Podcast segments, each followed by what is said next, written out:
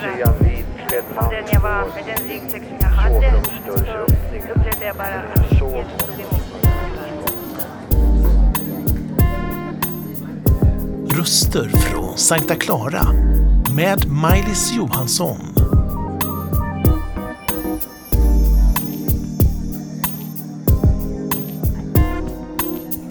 Välkommen Yvonne till Sankta Clara och Klaras röster. Ditt efternamn får du tala ut själv, tror jag. Ja, jag heter Yvonne Krygman och jobbar som diakon här i Klara kyrka. Då ska jag fråga dig först så här, din bakgrund innan du blev diakon fram till att du blev frälst, lite kort. Ja, jag har eh, förmånen att vara uppvuxen i ett kristet hem eh, nere i Småland, i Gnosjö kommun. Och eh, började ju tidigt att gå både i, söndagsskola och i gudstjänster. Och, eh, så jag hade tron med mig från barnaåren.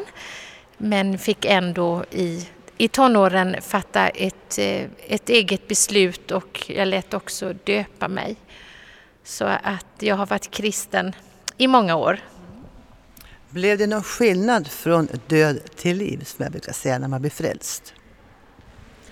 Ja, absolut. Jag tror att frälsningen är skillnad från död till liv. Eh, att man väljer att följa Jesus och ta det beslutet. Eh, så eh, det betyder mycket för, för människan och att man får en grund att stå på och vet också att, att synderna är förlåtna, att man får leva i frälsningen och i nåden. Din första barnabön, kommer du ihåg den? Ja, det gör jag, för vi brukade be Gud som haver. Eh, och sen hade jag alltid ett litet extra nummer där på slutet, att eh, Gud skulle välsigna alla våra vänner och alla som var sjuka. Vi har ju en, eh, vad ska man säga det, en eh, herre som säger, vi har bönesvarets Gud brukar jag säga. Hur många bönesvar fick du så att säga från barnabönen som du påtagligt märkte? Ja, jag tror att eh, jag har fått många bönesvar redan som liten för att jag har varit med i ett eh, sammanhang och i en familj där vi, där vi bad för så mycket saker. Vi bad om eh, välsignelse över grödan, över potatisen på bordet och eh, eh, mamma berättade ofta hur hon eh, bad för att vi skulle få tillräckligt eh, och vi fick se det här i vårt hem så att eh, bönesvar och att Gud vill vara med och svara och ge oss det vi behöver, det har jag trott på och fått uppleva redan som liten flicka. Och det blev skörd på den där sådden, eller hur? Absolut. Eh, och eh, jag skulle vilja berätta en rolig grej nu då för att jag vet att eh, vi var ju en stor familj och hade många gäster ofta och Eh, mamma bad en gång att hon, till Gud om att hon ville ha en gädda. För hon visste inte vad hon skulle hitta på till middag. Så hon sa, gode Gud ge mig en gädda. Och det var inte så att hon själv ville gå ut och sätta sig vid, vid åkanten precis. Eh, men det märkliga var att eh, i tre dagar så kom det tre olika personer hem till min mamma och sa att jag har varit och fiskat en gädda och undrar om du vill ha den. Ehm, och då brukar vi säga att Gud ger inte bara en gång utan han giver och giver och giver igen. Ehm, jag tänker att det var, Gud har också både omsorg och han har också lite humor i att eh, för jag tror inte att det var en slump att det kom tre personer med en gädda, för det är inte det vanligaste som man får. Då kan man väl säga så här, de som lyssnar på den här berättelsen tänker nog så här, ja men det där var väl för mycket i alla fall. Men jag har sett och hört det där själv som barn. Eh, växte din barnatro där när du fick se att du bad och fick svaret? Ja, det tror jag och eh, det är någonting som jag har haft eh, sett har fungerat även i mitt, i mitt vuxna liv och i, i mitt arbete här i Sankta Clara kyrka. Eh, för så är det ju också att vi varje dag här får överlämna eh, vårt arbete och våra behov till Gud. Eh, vi har en matservering här vi kan ge 110 till 150 personer mat varje dag. Och det är fantastiskt. Och det är genom gåvor som kommer in. Ehm, och ibland kan det vara så att man tänker hur ska maten räcka idag när man ser en lång kö. Ehm, men, och då ber vi och ofta kan det vara så då att det kommer en extra leverans, någon som vi inte visste skulle komma, som eh, kommer och säger vill ni ha det här att dela ut idag? Ehm, och det tar vi som ett eh, direkt bönesvar. Och att våga tro att det är Gud gör det så mycket enklare, tycker jag, än att säga att det är slumpen. Och, utan Gud har, Gud har omsorg om sina barn och eh, de som vi hjälper. Det är ju en biblisk eh, roll, vad man kalla det, en biblisk eh, följd av Bibeln. Att vi ska ge till de fattiga, vi ska ge dem evangelium också. Ger ni evangelium också? Ja, jag tycker att eh, diakoni och evangelium att det hör starkt ihop. Det finns eh, många som menar att diakoni är bara barmhärtighetstjänsten. Jag tänker att jag har i min kallelse och i mitt löfte när jag vigdes till diakon eh, lovat att uppsöka de som är både i andlig, själslig och kroppslig nöd. Och har man andlig nöd så behöver man också få höra evangeliet om Jesus. Så att eh, jag är ganska frimodig i att berätta om Jesus för att människor behöver mer än kläder på kroppen och mat i magen. Människor behöver få, få uppleva eh, att de har någon att be till och att det finns någon som kan komma med den glädjen som de saknar. Ja, Yvonne, du ska få berätta om kön utanför din expedition. Vad tänker du på när du ser kön? Det kan ju ibland vara 20 stycken, va? På en dag i alla fall. Ja, det är ju alltid en, en ström av människor som har behov av olika slag. Och eh, jag kan inte hjälpa alla, vi kan inte hjälpa alla. Och det är tur att det finns många andra goda aktörer i, i samhället och i kyrkorna också. Men eh, samtidigt så vill man ju möta de som står där. Eh, att i varje fall lyssna på människor, att, att ta sig tid att lyssna på människors berättelser och deras behov. Att inte bara vända sig och säga att jag har inte tid. Eh, tänker jag att ehm, det är det viktigaste vi kan göra för våra medmänniskor.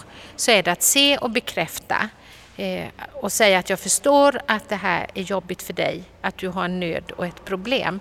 Sen kanske jag inte kan hjälpa alla men jag kan lyssna. Eh, och det kan alla medmänniskor göra oavsett om man jobbar i kyrkan eller inte. Eh, Yvonne, du har ett sånt där specialmirakel.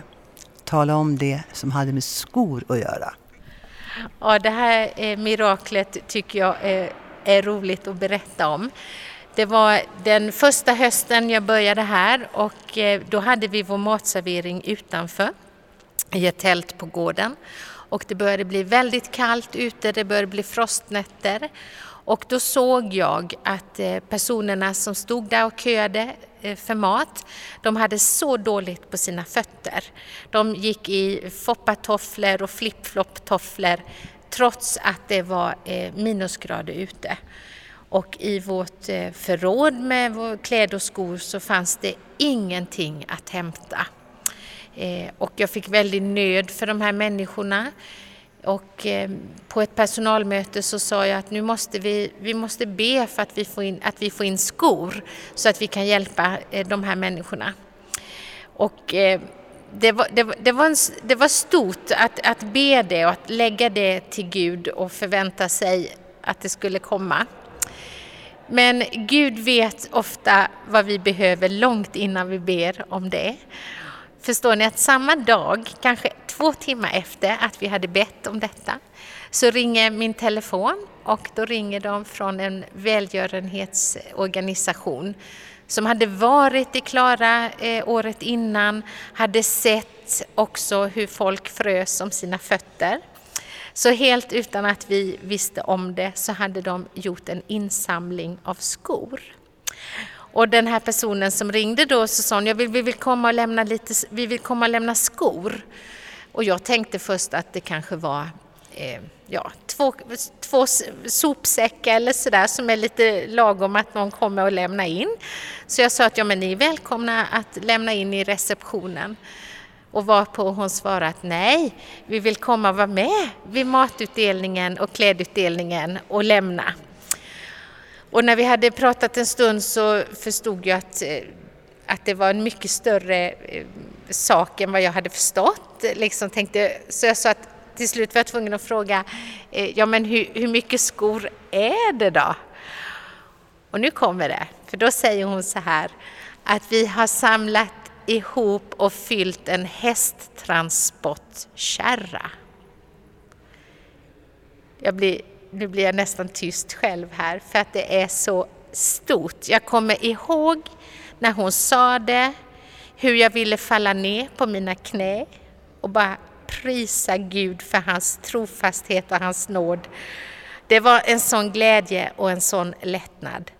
Eh, att några, han hade påmint några att göra detta, som hade lyssnat och tagit den eh, uppgiften till sig, eh, gjort den här insamlingen, kommer, kör upp en dag sen, en kall höstdag här, eh, med sin hästtransportkärra och öppnar den där eh, lämmen där och så bara eh, väller det ut kanske 300-400 par kängor och skor i alla storlekar och de var med och delade ut detta. Eh, det var verkligen en, en fest, eh, både inför människorna men också inför Guds ansikte vill jag säga. Eh, så det var stort. Och då tänker jag att när vi får se de här sakerna så blir man också trygg i sitt arbete. Jag behöver inte vara orolig, för Gud ger varje dag vad vi behöver. Det är ett vittnesbörd som heter Levande ord ifrån himlen. Och det står ju det, bed så skall du få. Och det gjorde ni och ni fick. Det är bevis på att vi har med en levande Gud att göra och hans namn är Jesus Kristus. Avslutningsvis på den här underbara intervjun så vill jag höra också vad gör du när du är ensam med Jesus? För det måste du ju också vara. Jo, men jag är ensam med Jesus och eh, som tur är så känner jag att han bor i mig och han är med mig hela tiden. Och jag tänker att eh, eh, det står att, att man ska be i sin ande varje stund och jag tror att jag har hela tiden en dialog med, med Jesus. Jag pratar med Jesus, jag, jag, jag eh, känner att jag umgås med honom hela tiden i både stort och i smått på ett väldigt naturligt och enkelt sätt. Han är min bästa vän. Eh, och sen måste jag ju givetvis också läsa ordet och att delta i, i gudstjänster och, och bön. Vi ber ju i Klara kyrka, vi har ju två timmars bön varje dag. Eh, nu är jag inte alltid på de bönerna, men man måste vara i gemenskapen och hämta kraft. Eh, och slarvar man med det så får det konsekvenser. Eh, sen tror jag att i, om jag missar någon dag så så kan Guds nåd vara så stor att det funkar ändå. Men om man slarvar med sitt, med sitt andaktsliv och sin eh, hälsa en längre tid så, så får det konsekvenser eh, och då, då syns det också utåt. Jag tycker att du är välbevarad måste jag verkligen säga, trots ditt tuffa arbete. Jag vill Yvonne att du med mig läser Fader vår som avslutning. Fader vår som är i himmelen Helgat var det ditt namn. Tillkommer ditt rike. Ske din vilja, så som i himmelen, så och på jorden.